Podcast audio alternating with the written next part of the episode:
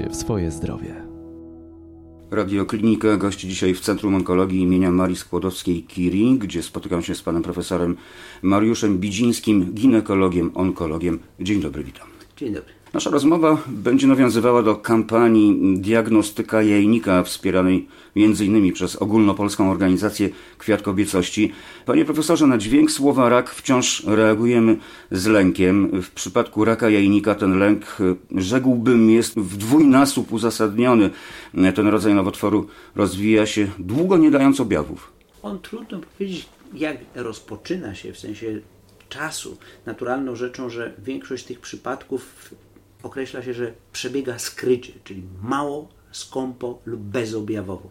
A natomiast kiedy rozpoczyna się ten proces, na to pytanie dzisiaj trudno udzielić konkretnej informacji. Natomiast fakt faktem, że w większości przypadków nowotwór daje bardzo skąpy objaw. Pacjentki długi okres czasu skarżą się na jakieś pobolewania niecharakterystycznie w jamie brzusznej. Często uważają, że mogą to być dolegliwości żołądkowo-jelitowe, kierują się do e, lekarzy rodzinnych, do niekiedy lekarzy internistów, gastrologów, którzy poszukują w tym całym systemie oczywiście jakichś schorzeń natury, która dotyczy przewodu pokarmowego, a które nie są faktycznym źródłem dolegliwości. I nieraz zdarza się, mówię to z praktyki, że takie różnego rodzaju poszukiwania tropu trwają wiele miesięcy, a więc często bywa tak, że od momentu takiego powiedziałbym pierwszego zwiastuna, niecharakterystycznego, do rozpoznania mija i pół roku. A więc krótko mówiąc, można powiedzieć, że ta zwłoka jest duża. Dzisiaj walczymy o to, żebyśmy mogli sobie taką charakterystykę e, przygotować tych osób, które powinny na pewne rzeczy zwrócić uwagę. No na pewno takie dolegliwości nie powinny bagatelizować osoby, u których rodzinnie były zachorowania na raka jajnika, na raka piersi. Są to osoby, które potencjalnie mogą mieć pewne, że tak powiem, zaburzenia genetyczne wynikające z predyspozycji rodzinnych. A więc osoba, u której na przykład ciocia, mama, babcia chorowała na raka jajnika, która zaczyna mieć takie dolegliwości, nie powinna tego bagatelizować, tylko jednak mimo wszystko również oprócz konsultacji internisty udać się również do ginekologa. Wnioskuję zatem, że rak jajnika bardzo często ma podłoże genetyczne. Zdecydowanie każda choroba ma dzisiaj nowotworowa podłoże genetyczne, z tym, że musimy rozróżnić dwie rzeczy. Jedna to są predyspozycje rodzinne, a więc pewien zaburzony szlak genetyczny w rodzinie, czyli zakładam, że jest jakaś rodzina, u których pewne elementy zostały już no, fabrycznie niewłaściwie skonstruowane i przekazujemy sobie z pokolenia na pokolenie. I to nie tylko w linii kobiecej, ale nieraz i męskiej. Czyli ten uszkodzony gen, gen. przechodzi z pokolenia na, na pokolenie. pokolenie. tak. Nie u wszystkich członków rodziny, bo oczywiście ten tak zwany element nie musi dotyczyć 100%, ale jednak mimo wszystko. I drugą rzeczą jest to, że ten gen może być uszkodzony przez warunki środowiskowe, napromienianie i tak. I większość z nas, 85% osób, ma nierodzinne predyspozycje, tylko predyspozycje uszkodzenia pewnych, że tak powiem, elementów genetycznych wskutek działania czynników środowiskowych czy innych elementów, o których dzisiaj jeszcze nie do końca możemy faktycznie e, zdobyć dokładną wiedzę. Ale każda choroba nowotworowa zaczyna się od pewnych zaburzeń genetycznych, a więc krótko mówiąc możemy powiedzieć, że w tym tak zwanym mechanizmie molekularnym, w komórce zachodzą pewne zmiany, które doprowadzają do powstania komórki nowotworowej i na którą nasz organizm nie znajduje własnych mechanizmów ochronnych. One są rzeczywiście w tym momencie, te komórki, pozbawione, a właściwie nasz układ immunologiczny jest pozbawiony tego tak zwanego elementu wyczulenia. Powstała komórka, są specjalne mechanizmy w organizmie, które je eliminują. Tu ta komórka robi się niewidoczna, jak samolot nie jest widoczny w radarze. Nowe technologie to w jakiś sposób mogą rzeczywiście mm, spowodować. Ale nie tylko przyczyny genetyczne leżą u podstaw raka jajnika. Oczywiście możemy powiedzieć, że pewne elementy związane z czynnikami takimi jak nikotyna, jak powiedzmy stosowanie różnych elementów talk czy inne, mogą rzeczywiście być tym tak zwanym czynnikiem predysponującym, ale te wszystkie elementy wpływają na czynniki genetyczne. One uszkadzają pewne systemy w całej genomice i to powoduje, że powstaje komórka nowotworowa. Powiedział pan profesor talk. Talk to jest środek używany zewnętrznie. Tak. I nie ukrywajmy, że ten talk ma swoje, że tak powiem, działania w zakresie tego. Niekiedy środki tak zwane higieny intymnej u kobiety były również z zastosowaniem talku. I talk niewątpliwie w tym zakresie, stosowany przez wiele lat, mógł spowodować pewnego rodzaju zaburzenia transformacji komórkowej, również w tych tak zwanych, no powiedziałbym, wyższych piętrach układu rozrodczego, nie tylko w pochwie. Z tego, co się orientuję, na przykład mnogość ciąż może zapobiegać powstawaniu Oczywiście. raka jajnika. Oczywiście. Jednym z elementów, który świadczy o tym, że może ta teoria być prawdziwa, jest to, że u kobiet, które stosują antykoncepcyjne preparaty, czy też mają ileś ciąż w swoim życiorysie, ten tak zwany czynnik jest protekcyjny. Na czym to polega? Mówiąc oględnie, w czasie, kiedy osoba ma owulację, dochodzi do pęknięcia torebki jajnika. To pęknięcie torebki jajnika, czyli tego nabłonka, tej struktury zewnętrznej, prowadzi do tego, że jest permanentny uraz. Miesiąc w miesiąc, miesiąc w miesiąc.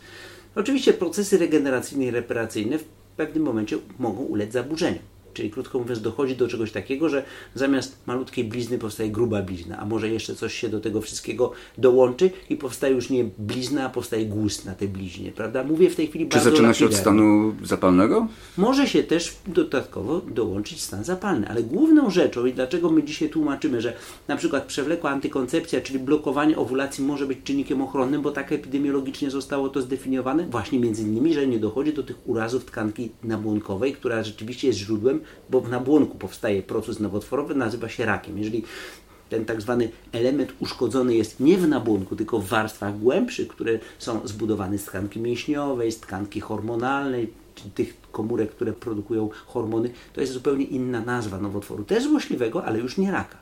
Najczęstszym jest nowotwór, który pochodzi z tkanki nabłonkowej. Nabłonek skóry to będzie rak skóry, nabłonek jajnika to będzie rak jajnika, nabłonek, nie wiem, wyścielający trzustkę to będzie rak trzustki, żeby o tym pamiętać, bo często kojarzymy raka ze wszystkimi nowotworami złośliwymi. Tak nie jest. Każdy z tych nowotworów oczywiście ma swoją charakterystykę, może przebiegać bardzo podobnie, ale inaczej wygląda jego biologia. A propos charakterystyki, jeśli chodzi o raka jajnika, mamy kilka rodzajów.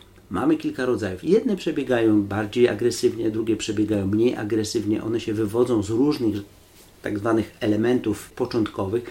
Dzisiaj nie jesteśmy w stanie scharakteryzować wszystkich elementów, aczkolwiek w nowej teorii, m, która tłumaczy powstawanie raka jajnika, dużo się mówi, że Pierwszym takim elementem, który ulega nieprawidłowym przemianom jest nabłonek jajowodu. I z tego nabłonka jajowodu powstają wszczepy, które przenoszą się do innych fragmentów, innymi jajnika, innymi otrzewny i innych fragmentów. W każdym razie są to bardzo skomplikowane mechanizmy. My dzisiaj możemy powiedzieć, że z punktu widzenia naszej biologicznej wiedzy wiemy przynajmniej o pewnych elementach, ale żebyśmy mogli to dokładnie poskładać i powiedzieć, że już wszystko na ten temat wiemy i jesteśmy w stanie zapanować nad tą historię, to jeszcze daleko.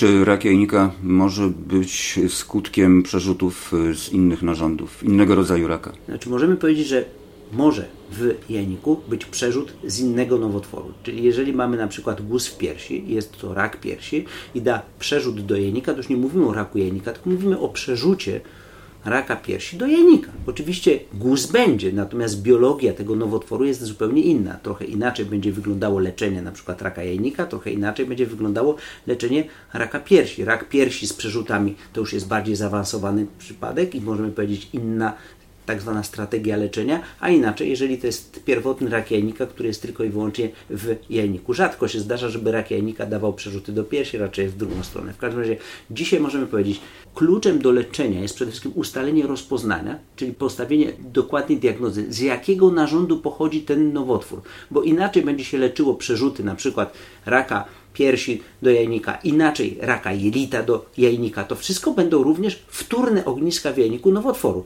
Ale mówimy w tej chwili głównie o tym tak zwanym przypadku, kiedy nowotwór wywodzi się z jajnika i on może dawać przerzuty do innych odległych organów. Natomiast tu główną rzeczą jest przede wszystkim kwestia ustalenia dokładnej typologii, czyli jakie jest to rozpoznanie, inaczej się leczy ten nowotwór, inaczej ten nowotwór i jakie jest jego zaawansowanie. Jeżeli rak daje przerzuty, to wiadomo, że to już jest bardziej zaawansowany przypadek. Nasze postępowanie musi być rzeczywiście bardziej intensywne.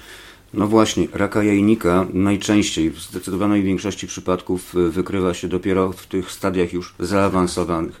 I to wtedy, kiedy rzeczywiście już te objawy są y, ewidentne, bo są to jest raka wodobrzusze, tak, jest ból, wodobrzusze jest, jest jednym chyba z głównych takich y, Prawdopodobnie objawów. tak. To znaczy możemy powiedzieć, że w Bo większości u 30% przypadków... to- zdaje się mniej więcej pacjentek Myślę, że około 30%. Wodobrzusze jest dosyć charakterystyczne. Oczywiście skala nasilenia może być różna. U jednego pacjenta będzie litr u innego będzie 10 litrów. Jeden przyjdzie tak, że mówi, no coś czuję, że tam mi chlupoczy, tak to określmy trywialnie, a drugi powie, ja już nie mogę oddychać, bo cała jama brzuszna jest wypełniona płynem i to wszystko uciska na sąsiadujące struktury, między innymi na przeponę, która podnosi się, wtedy pojemność płuc jest dużo bardziej ograniczona i możemy wtedy rzeczywiście mieć pacjentki, które bardzo źle się czują. No fakt faktem, że większość, 70% pacjentów to są pacjenci z zaawansowanym nowotworem i oczywiście w takich przypadkach nasze postępowanie musi być bardzo dobrze zaplanowane, a potem zrealizowane. Jeszcze myślę, że pacjentki powinny zwrócić uwagę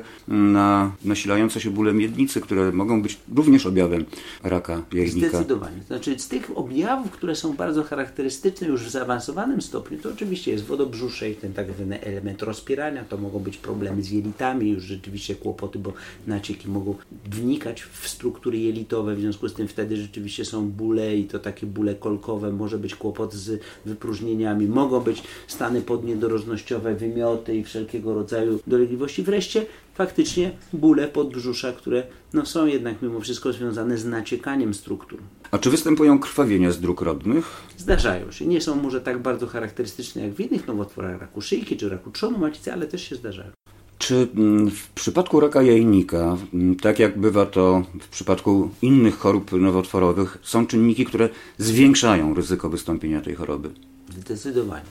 Znaczy możemy powiedzieć, że z punktu widzenia dzisiaj wiedzy naszej, to wszelkiego rodzaju właśnie te preparaty o charakterze talku, które mogły być stosowane w przeszłości, to może być też nie jest to może jednoznaczne, ale coraz więcej mówi się o tym, że stymulacja długoletnia, hormonalna, czyli krótko mówiąc, te tak zwane programy hyperstymulacji jajnika, na przykład do programów zapłodnienia pozostrywego, czy wreszcie endometrioza. Choroba łagodna, ale która może też być rzeczywiście źródłem właśnie powstania nowotworu jajnika. Więc jest kilka takich elementów, które dzisiaj są połączone z możliwością wygenerowania w przyszłości właśnie nowotworu jajnika. Może wspomnijmy o endometriozie. Słów kilka więcej.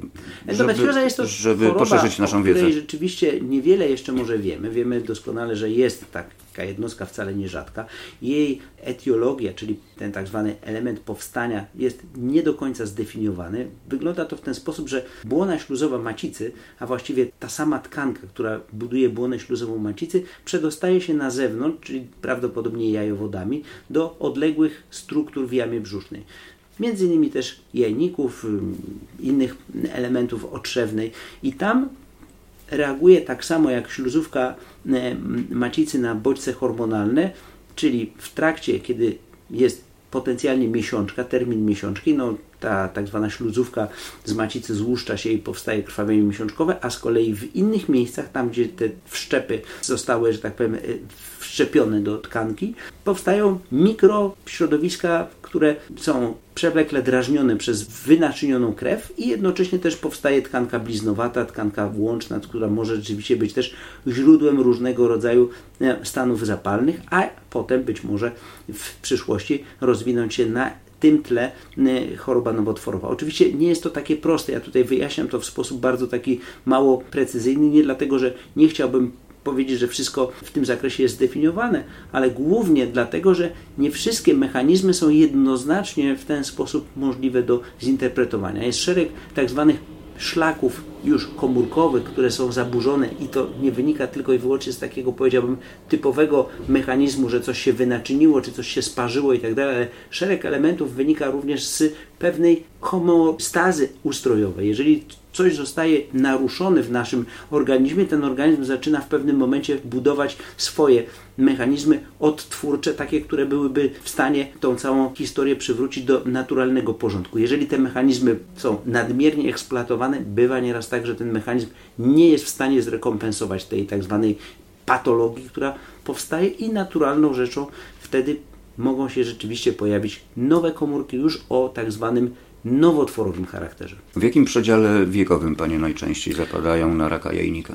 To jest osoba zazwyczaj po menopauzie, czyli po 50 roku życia. Aczkolwiek nie ukrywajmy, że jest oczywiście też grupa osób dużo młodszych. Zdarzają się też pojedyncze przypadki w 20 i 25 roku życia, ale gro pacjentek naszych z rakiem jajnika to są panie po menopauzie, a więc w tym przedziale, kiedy już rzeczywiście ten element czynności hormonalnej wygasa. Czyli cały czas krążymy wokół hormonów, które mogą mieć zbawienny wpływ na ustrzeżenie się przed e, rakiem jajnika. Z pewnością ten tak zwany element gospodarki hormonalnej ma wpływ na nowotwory jajnika, ale do końca dzisiaj, żebyśmy mogli powiedzieć, że ten tak zwany system został uporządkowany i dokładnie prześwietlony od strony epidemiologicznej, od strony etio patogenezy, to na to pytanie jeszcze za wcześnie, żebyśmy odpowiedzieli. Natomiast fakt faktem, że jest to nowotwór hormonozależny i możemy dzisiaj powiedzieć, że stosowanie różnego rodzaju czynników hormonalnych, mówię w tej chwili o hormonach takich na przykład, które stosowane są w okresie menopauzy, czy też ewentualnie do stymulacji jajeczkowania, mogą mieć wpływ, aczkolwiek też nie chciałbym, żebyśmy demonizowali, że kobieta, która przyjmuje hormony, już natychmiast jest narażona na raka jajnika, bo się okazuje, że taki powiedziałbym bezpośredniej interpretacji nie możemy przyjąć. Powiedzmy teraz o metodach badań, które potwierdzą lub wykluczą chorobę. Prawdę powiedziawszy, możemy powiedzieć tak mamy podział na dwa jak gdyby takie elementy zaawansowania. Jeżeli mamy do czynienia z wczesnym stopniem zaawansowania, to mamy guz w jajniku i ten guz trzeba usunąć. Naturalną rzeczą, że pierwszym krokiem jest leczenie chirurgiczne, trzeba go usunąć i zbadać histopatologicznie, a więc głównym elementem jest badanie i rozpoznanie histopatologiczne. Oczywiście zadajemy sobie pytanie, no dobrze, ale skąd my możemy w 100% wiedzieć, że choroba jest tylko zlokalizowana w jajniku? No, do tego służą nam dodatkowe badania, jak tomografia komputerowa, czy rezonans magnetyczny, czy inne badania, które służą do tego, żeby określić zaawansowanie tego procesu. Czyli krótko mówiąc, jeżeli osoba przychodzi do lekarza i mówi, faktycznie mam dolegliwości w dole brzucha, sekwencja wydarzeń jest zazwyczaj taka, że ginekolog bada, czuje rzeczywiście, że gdzieś w dolnej części czuje jakiś faktycznie guz, daje skierowanie na badanie ultrasonograficzne. W badaniu ultrasonograficznym potwierdza się, że jest guz, wtedy kierujemy taką pacjentkę na dodatkowe badania. Tomografia komputerowa, rezonans magnetyczny jamy brzusznej, klatki piersiowej, żeby określić, czy rzeczywiście choroba jest lokalna, czyli tylko w tej części dolnej, czy jest bardziej zaawansowana. Jeżeli jest bardziej zaawansowana, to musimy się zastanowić, czy leczenie chirurgiczne w takim przypadku będzie najlepszym rozwiązaniem, bo może się okazać,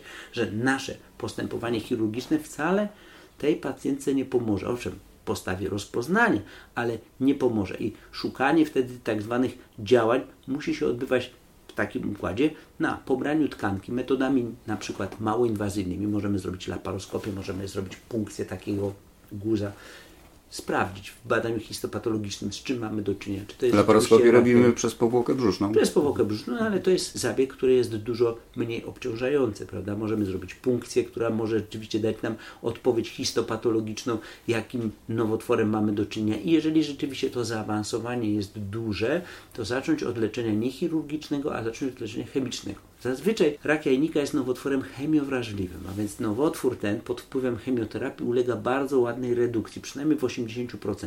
I po tych trzech na przykład cyklach takiej chemioterapii możemy się spotkać z przypadkiem, który jest rzeczywiście bardzo ograniczony, jeżeli chodzi o rozwój tego nowotworu. W związku z tym operacja będzie łatwiejsza, mniej obciążająca pacjenta i jednocześnie też będzie operacją bezpieczniejszą. Stąd też no, ten tak zwany system działań w zakresie wyboru postępowania, co później wymaga naprawdę dużego doświadczenia, a przede wszystkim bardzo dokładnej analizy wszystkich zebranych faktów, badań, żebyśmy nie podjęli błędnej decyzji, bo zasadą leczenia chirurgicznego w raku jajnika jest to, żeby usunąć wszystkie zmiany, które są widoczne. Jeżeli mamy zmiany, które potwierdzą się w klatce piersiowej, to możemy powiedzieć OK, mamy zmiany, które są rzeczywiście poza rejonem jamy brzusznej. Jeżeli nawet bardzo doświadczony chirurg usunie te zmiany z jamy brzusznej, a zostawi w klatce piersiowej, to możemy powiedzieć, ta cała operacja nic nie wniesie. W związku z tym nie ma powodu, żeby narażać chorą wtedy na bardzo agresywną chirurgię, często bardzo rzeczywiście długą, agresywną, bo trzeba usunąć wiele niekiedy partii w zakresie jamy brzusznej, skoro mamy zostawić w klatce piersiowej zmiany. Wtedy możemy powiedzieć, ok, zaczynamy od chemioterapii, bo ta metoda będzie dla nas bardziej istotnie e, przydatna niż typowa chirurgia. Więc leczenie tego problemu wymaga naprawdę dużego doświadczenia, zebrania wielu faktów i przede wszystkim wielodyscyplinarności, czyli takiego działania w zakresie nie tylko ginekologa, ale i chirurga i chemioterapeuty. Niekiedy dodatkowo musi być rzeczywiście i radioterapeuta w to włączony, więc zespół wielodyscyplinarny daje dużą gwarancję, że możemy to leczenie poprowadzić w bardziej optymalny sposób. Ja jeszcze chciałbym na moment wrócić do metod badań. Badania genetyczne, y, bardzo pomocne notabene w zdiagnozowaniu choroby, w Polsce chyba nie są jeszcze zbyt powszechne. Badania genetyczne oczywiście do niedawna jeszcze były mało popularne. Oczywiście pacjentki miały świadomość i robiły sobie w prywatnych laboratoriach i w różnego rodzaju, powiedzmy, takich nie zawsze certyfikowanych miejscach te badania, no, wiedząc o tym, że te mutacje i znajomość tego faktu może im pomóc w przede wszystkim odpowiednim działaniu profilaktycznym w zakresie rodzin.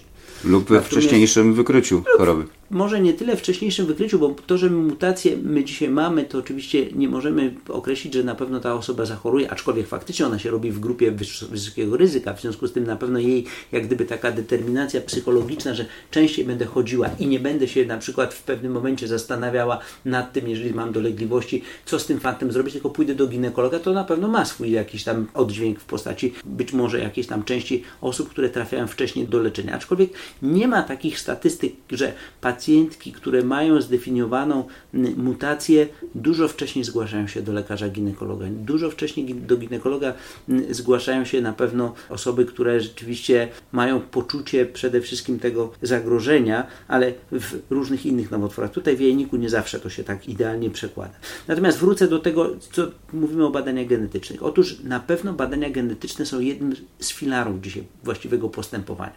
I dzisiaj możemy powiedzieć, że w badaniach genetycznych jest referencja refundacja tych badań. My w tak zwanym systemie płatnika otrzymaliśmy już od stycznia pieniądze na robienie skomplikowanych badań genetycznych, które należą się każdemu choremu, który ma rozpoznanie raka jajnika. To jest już nie przywilej, to jest obowiązek lekarza, który prowadzi takiego pacjenta, że powinien zrobić tego typu badania, bo te badania mogą nam dać informacje bardzo potrzebne również co do leczenia. Mamy dzisiaj nowe cząsteczki, którymi możemy leczyć chorych z zdefiniowanymi mutacjami. To nie tylko stwierdzanymi w krwi, ale również w tkance guza. A więc to są bardzo istotne rzeczy, które bardzo dzisiaj rzeczywiście przestrzegamy, żeby były realizowane.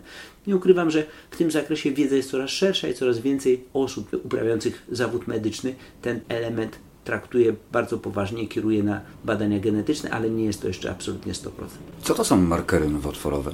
To są substancje, które są wygenerowane przez ten tak zwany element guza, czyli guz jako ciało obce, tak to określmy, chociaż nie do końca, bo on jest przecież tkanką spojoną z naszym organizmem, produkuje pewnego rodzaju substancje antygeny. Te antygeny są właśnie tym elementem, który możemy mierzyć w krwi. Czyli im więcej tego antygenu, tym potencjalnie więcej komórek, które wytwarzają tą substancję. I w związku z tym, im więcej tego markera, tym większa potencjalnie masa tego guza i oczywiście w momencie, kiedy rozpoczynamy leczenie, marker służy nam do tego, żeby monitorować efektywność leczenia. Jeżeli marker nam spada, no to możemy powiedzieć faktycznie nasze leczenie jest skuteczne. Tak, bo jest mniej komórek produkujących. Tego. Jeżeli marker idzie w górę, to być może, że trzeba zmienić taktykę postępowania, bo może ta cząsteczka, którą stosujemy w chemioterapii, nie zadziałała akurat na ten rodzaj guza. Dotknął Pan Profesor już e, wcześniej sposobów leczenia, metoda chirurgiczna, także radioterapia, chemioterapia. A co to jest terapia antyangiogenna?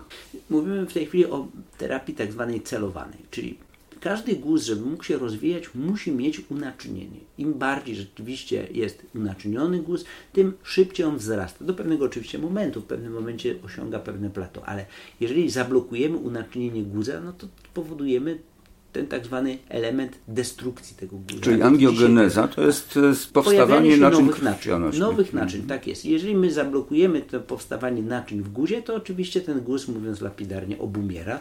Jego aktywność jest coraz mniejsza i w pewnym momencie rzeczywiście spotykamy się z sytuacją, że przestaje rosnąć, on się zmniejsza, zmniejsza, zmniejsza i może dojść do absolutnie wyleczenia. Więc te nowe celowane kierunki to jest nowa i powiedziałbym przyszłość medycyny, bo mówiąc ogólnie, jeżeli stosujemy przykładowo aspirynę, to dzisiaj możemy powiedzieć, na przeziębienie jest to popularny lek, tak? Tak, u każdego, lat. u każdego stosujemy aspirynę, jak ktoś jest przeziębiony. Tylko nie zastanawiamy się nad tym, jaka jest formuła gospodarza. U jednego ta aspiryna zadziała fantastycznie, u drugiego spowoduje na skutek jego predyspozycji wewnętrznych, że będą powikłania, że powstanie na przykład owrzodzenie żołądka, tak? A u trzeciego okaże się, że ta aspiryna nie zadziałała, bo jego system tak zwanego rozkładu tego związku, jakim jest aspiryna, jest tak sprawny, że możemy wlewać w niego tą, czy wrzucać do niego kostki aspiryny i to nie będzie działało. A więc krótko mówiąc, medycyna spersonalizowana również w onkologii to jest dobrana do konkretnego gospodarza i konkretnego przypadku guza. Jeżeli są pewne szlaki zaburzone w takim powiedzmy nowotworze, to próbujemy te szlaki albo zablokować, żeby one przestały jak gdyby generować kolejne linie komórek nieprawidłowych, albo je ponaprawiać.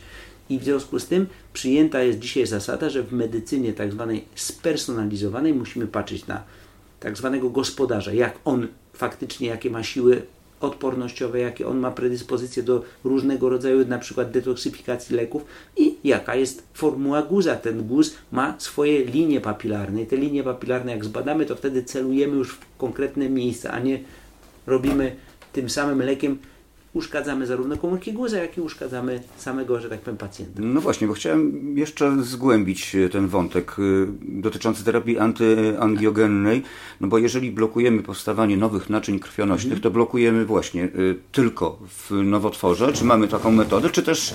Tu jest niewątpliwie sytuacja, że guz, który szybko proliferuje, a więc nowotwór, on oczywiście będzie bardziej podatny, ale nie jest to taki element, żebyśmy mogli wyzwolić pacjenta od pewnych działań ubocznych tego środka. Czyli krótko mówiąc, podnosi się ciśnienie, bo niektóre rzeczy zaczynają się blokować, a więc ten system nasz no więc do tego zmierzałem ma swoje, ma swoje również odbicie. Nie jest to oczywiście tak, że nasze naczynia, które mamy o prawidłowej budowie, czyli mają tkankę mięśniową, czy włókna mięśniowe, że one ulegną degradacji, ale będą w jakiś sposób cierpiały. Najbardziej uszkadzać będzie ten lek antyangiogenny, nowo powstające naczynia, które są zmienione. One są o innej budowie niż te, które powstają w sytuacji normalnej. I one głównie są, że tak powiem, niszczone przez ten lek. Dużą skutecznością w leczeniu wykazują się pochodne platyny. To jest główny dzisiaj mm, nurt terapeutyczny, czyli od pewnego czasu wiemy, że sole platyny są najbardziej skuteczne w leczeniu raka jajnika i w związku z tym to jest podstawowy lek. Pozostałe cząsteczki, które wprowadzamy, one oczywiście mają swoje działanie, ale nie aż tak już efektywne jak sole platyny. Mechanizm działania chemioterapii w guzie nowotworowym ma polegać na tym, że w każdym guzie są różne klony komórek, czyli krótko mówiąc mamy komórki żółte, komórki zielone, komórki brązowe, komórki czerwone i każda z tych komórek ma swoje znowu pewnego rodzaju predyspozycje. I na przykład na żółte i zielone działa platyna. A co zrobić czerwonymi brązowymi? A czerwone brązowe już nie obejmie tego. No to dajemy drugi lek, a może trzeci lek, który będzie działał również na te czerwone i, brązowe. Tak, żeby połączyć i zrobić taką miksturę, która będzie najbardziej sprawna. Oczywiście zawsze, i to mogę powiedzieć prawie zawsze, może nie zawsze, ale prawie zawsze, pozostanie jakaś grupa komórek, które nie będą chemiowrażliwe. I teraz jest pytanie, czy na tą grupę komórek mamy coś do zaproponowania? To są właśnie leki celowane. One dodatkowo tą grupę jest, są w stanie zniszczyć, bądź też nasz układ odpornościowy, czyli sprawności immunologicznej też do końca nie jest zniszczony przez chorobę, a więc krótko mówiąc, nasze, że tak powiem, mechanizmy wewnątrzustrojowe też mogą pewną część rzeczywiście tych komórek usunąć zdajemy sobie sprawę, że w niektórych przypadkach nie jesteśmy w stanie osiągnąć pełnego wyleczenia. I bywa nieraz tak, co w raku jajnika mamy coraz częściej, że pacjent żyje z chorobą, ale żyje 10 lat, 15 lat i możemy powiedzieć, proszę Panią, Pani nie jest zdrowa, bo Pani ma chorobę w sobie, tylko ona się tli. Ona nie daje Pani dolegliwości, ona nie daje żadnych objawów ubocznych, a więc można ją potraktować jako chorobę przewlekłą, no tak jak traktujemy cukrzycę, tak jak tu traktujemy nadciśnienie. Wiadomo, że ktoś, kto ma nadciśnienie, nie zostanie wyleczony z tego nadciśnienia. On musi dożywotnio brać lek. Ale jeżeli on dzisiaj może powiedzieć, nadciśnienie jest kontrolowane i może pan, pani jeszcze żyć 25 lat, jest zadowolony. I tak samo z nowotworem. Może pani żyć z tym nowotworem pod warunkiem, że on będzie kontrolowany przez różnego rodzaju działania. I to jest dzisiaj nasza kluczowa sprawa w leczeniu chorych z rakiem jajnika, żeby ich przekonać do tego, że to nie jest wyrok, po drugie, żeby dać im szansę na to, żeby myśleli w taki sposób, że możemy nad tą chorobą zapanować, że to nie jest kwestia pół roku, roku, najdalej, tylko że to mogą być lata. możemy rzeczywiście spowodować poprzez rozsądne postępowanie, nie zawsze terapeutyczne. Mówię to z całym przekonaniem, bo często chorzy mówią, to co, pan już mnie nie będzie leczył? Chemioterapia już dla mnie nie jest tego. Nie, bo chemioterapia może też uszkodzić pewne mechanizmy reparacyjne. Im dłuższa przerwa pomiędzy jednym a drugim cyklem, chory przychodzi i mówi, panie, mam tu guz, który pan widzi w tomografie komputerowym i pan mnie nie chce leczyć. Ja mówię, tak, guz jest, tylko on nie daje żadnych objawów. I nawet jeżeli on po moim leczeniu zniknie, to ja nie mogę powiedzieć, że pani jest wyleczona. Marker spadnie do zera, nie jest pani wyleczona. Więc traktujemy to w kategoriach pewnego rodzaju symbiozy z chorobą. Wtedy, kiedy pojawią się objawy, ja dam pani leczenie. I nigdy na to leczenie nie będzie za późno. Tylko gwarancję daję jedną, że nie potrafię tej choroby dzisiaj wyleczyć w zaawansowanym stopniu. Mogę ją tylko i wyłącznie trzymać pod parasolem ochronnym. Jeżeli pacjent to zrozumie, zaakceptuje, a coraz więcej takich jest pacjentów, którzy mówią, no dobrze, okej, okay, nie walczę z rakiem, tylko żyję z rakiem, to to jest klucz do sukcesu. I dzisiaj można powiedzieć, ta współczesna onkologia w tym zakresie również się zmieniła właśnie w takim, powiedziałbym, myśleniu i pozytywnym odbiorze tego, że z rakiem można żyć, pod warunkiem, że się nie poddamy. Nawet lekarze onkolodzy muszą czasami być psychologami, żeby przekonać pacjentów do celowości takich, a nie innych poczynań. Pacjent będzie niewątpliwie bardzo dokładnie y, funkcjonował z lekarzem wtedy, kiedy zdobędzie zaufanie tego lekarza, a lekarz będzie wiedział, że współpracuje z pacjentem, który myśli analitycznie nad pewnymi rzeczami. Bo dzisiaj ja mówię to z pełnym takim, powiedziałbym, przekonaniem, biorąc pod uwagę lata doświadczeń w tej pracy, że wszystkie metody, które stosujemy w onkologii, mają swoje bardzo silne działania uboczne. My nie leczymy witaminami, my leczymy lekami, które mogą z jednej strony pomóc, ale z drugiej strony mogą zabić. I to jest naturalną rzeczą, że musimy ten bilans przeprowadzić, co będzie skutkiem potrzebnym, a co może być tym skutkiem, który może doprowadzić do jeszcze większych działań niepożądanych niż to robi sama choroba. I tu trzeba naprawdę z pacjentem wiele czasu spędzić, żeby go przekonać do tego, żeby się nie bał tej choroby, że ta choroba jest pod nadzorem, że wspólnie będziemy działać pod warunkiem, że nie zrobimy zbyt agresywnych różnych ruchów, bo to może mu zaszkodzić pacjentowi, już nie rakowi. I leczymy zawsze, mówię jeszcze raz to wszystkim, leczymy pacjenta. Patrzymy na jego stan ogólny, jaka jest jego wydolność. Rak jest w tle. Ja nie w tej chwili mówię to w kategoriach, że rak gdzieś jest w tle, ale ja nie mogę zamęczyć człowieka moim leczeniem bardzo agresywnym, bo spowoduje tylko i wyłącznie nieodwracalne skutki uboczne. I tutaj ten tak zwany element psychologii, o której Pan powiedział, jest bardzo ważny, żebyśmy sobie dokładnie ustalili, co mamy zrobić, jak wspólnie działać, żeby osiągnąć dobry, nie chcę powiedzieć idealny, bo idealnym byłby wynik, gdybyśmy wrócili do pełnego zdrowia. Nie da się tego zrobić, ale możemy wiele lat funkcjonować z rakiem pod warunkiem, mówię, że ta współpraca jest dobrze skonstruowana i jest pełne zaufanie lekarza do pacjenta, pacjenta do lekarza. To, co pan profesor powiedział, jest budujące w obliczu tej choroby. No i mm, tak troszeczkę rozświetla e, sytuację tych, którzy e, chorują na tę przypadłość. Chciałbym teraz przejść do wątku, który myślę, że powinniśmy w sposób szczególny w naszej rozmowie zaakcentować, bo mimo upływu dziesięcioleci w walce z rakiem jajnika choroba wciąż zbiera ogromne żniwo. E, jaka jest śmiertelność kobiet chorujących na ten nowotwór? Znaczy w tej chwili ponad 50% chorych rocznie umiera z Bardzo dużo. To jest wysoki współczynnik, nawet powiem szczerze, w niektórych krajach jeszcze wyższy jest ten tak zwany parametr śmiertelności. No, wynika to przede wszystkim ze stopni zaawansowania, prawda? Jeżeli mamy 75% chorych, którzy trafiają w zaawansowanym stopniu, no to nie możemy się spodziewać, że wyniki będą bardzo dobre. Tak jak w pierwszym stopniu, czyli tam, gdzie nowotwór jest wychwycony tylko i wyłącznie w tym tak zwanym etapie początkowym, gdzie dotyczy tylko jajnika, jest około 90% pięcioletnich przeżyć. Tak w tym stopniu już trzecim czy czwartym, gdzie choroba się uogólniła, to tych przeżyć mamy 40%, 45%, a więc w całej tej masie rzeczywiście no, odsetek umierających chorych nie jest mały, ale tym niemniej, mówię, to jest absolutnie historia, którą dzisiaj na co dzień mogę oglądać. To jest tak, że wiele osób dzisiaj poprzez właściwe postępowanie, poprzez y, pewnego rodzaju nową technologię, którą wprowadzamy w różnych zakresach, zarówno i chemioterapii, jak i chirurgii,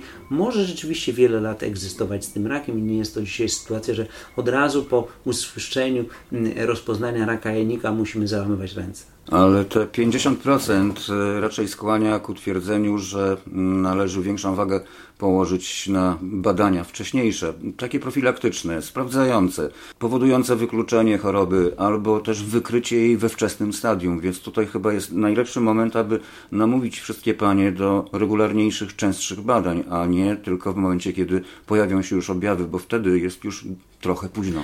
Możemy powiedzieć, że oczywiście my dzisiaj nie mamy takiego dokładnego papierka lakmusowego. Oczywiście w tej grupie osób, które mają mutacje, które mają predyspozycje rodzinne, ich jak gdyby taka, powiedziałbym, skłonność do korzystania z wizyt regularnych u lekarza ginekologa jest już standardem. Natomiast u osób, które dzisiaj, można powiedzieć, no nie mają tego wywiadu, a też mogą mieć problemy w przyszłości, zalecałbym jednak raz w roku przynajmniej, żeby się pojawić u lekarza ginekologa, a na pewno osoby, u których problemy żołądkowo-jelitowe po tak zwanym klasycznym postępowaniu nie mijają w ciągu tygodnia czy dwóch, też powinno odwiedzić ginekologa na wszelki wypadek, żeby można było powiedzieć, że faktycznie narząd rodny jest zdrowy. Czyli świadomość konieczności przeprowadzania badań jednak rośnie. Absolutnie. Znaczy na pewno dzisiaj możemy przyjąć, że ilość młodych osób, które zgłaszają się do lekarza ginekologa jest coraz większa. Jeszcze mamy pewien problem z paniami, które są rzeczywiście po menopauzie i które trochę traktują wizytę u ginekologa jako coś zupełnie niepotrzebnego, skoro już zakończyły tak zwaną całą część prokreacyjną, czyli już urodziłem dzieci, w tej chwili jestem rzeczywiście nieaktywna i w sensie życia seksualnego, no to po co mam chodzić do ginekologa? No niestety, te choroby mają rzeczywiście też skłonność właśnie w tym wieku pomenopauzalnym, żeby się pojawiać. W związku z tym niestety Szczególnie w tym trzeba okresie. tą tak zwaną czujność zachować również i po menopauzie. To jest chyba dobre rezime naszej dzisiejszej rozmowy. Pozostaje tylko na finał zaapelować do wszystkich pań o niezaniedbywanie badań, nie tylko przy okazji kampanii diagnostyka jajnika, bo tutaj walczymy o życie.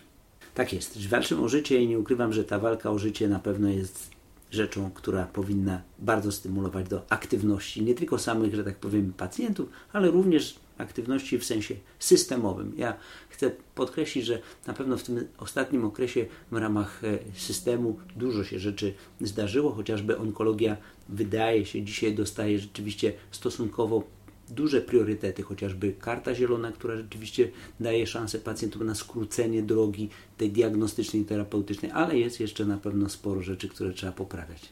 Bardzo dziękuję. Gościem radiokliniki był pan profesor Mariusz Bidziński, ginekolog, onkolog z Centrum Onkologii im. Marii Skłodowskiej-Curie. Raz jeszcze dziękuję panie profesorze.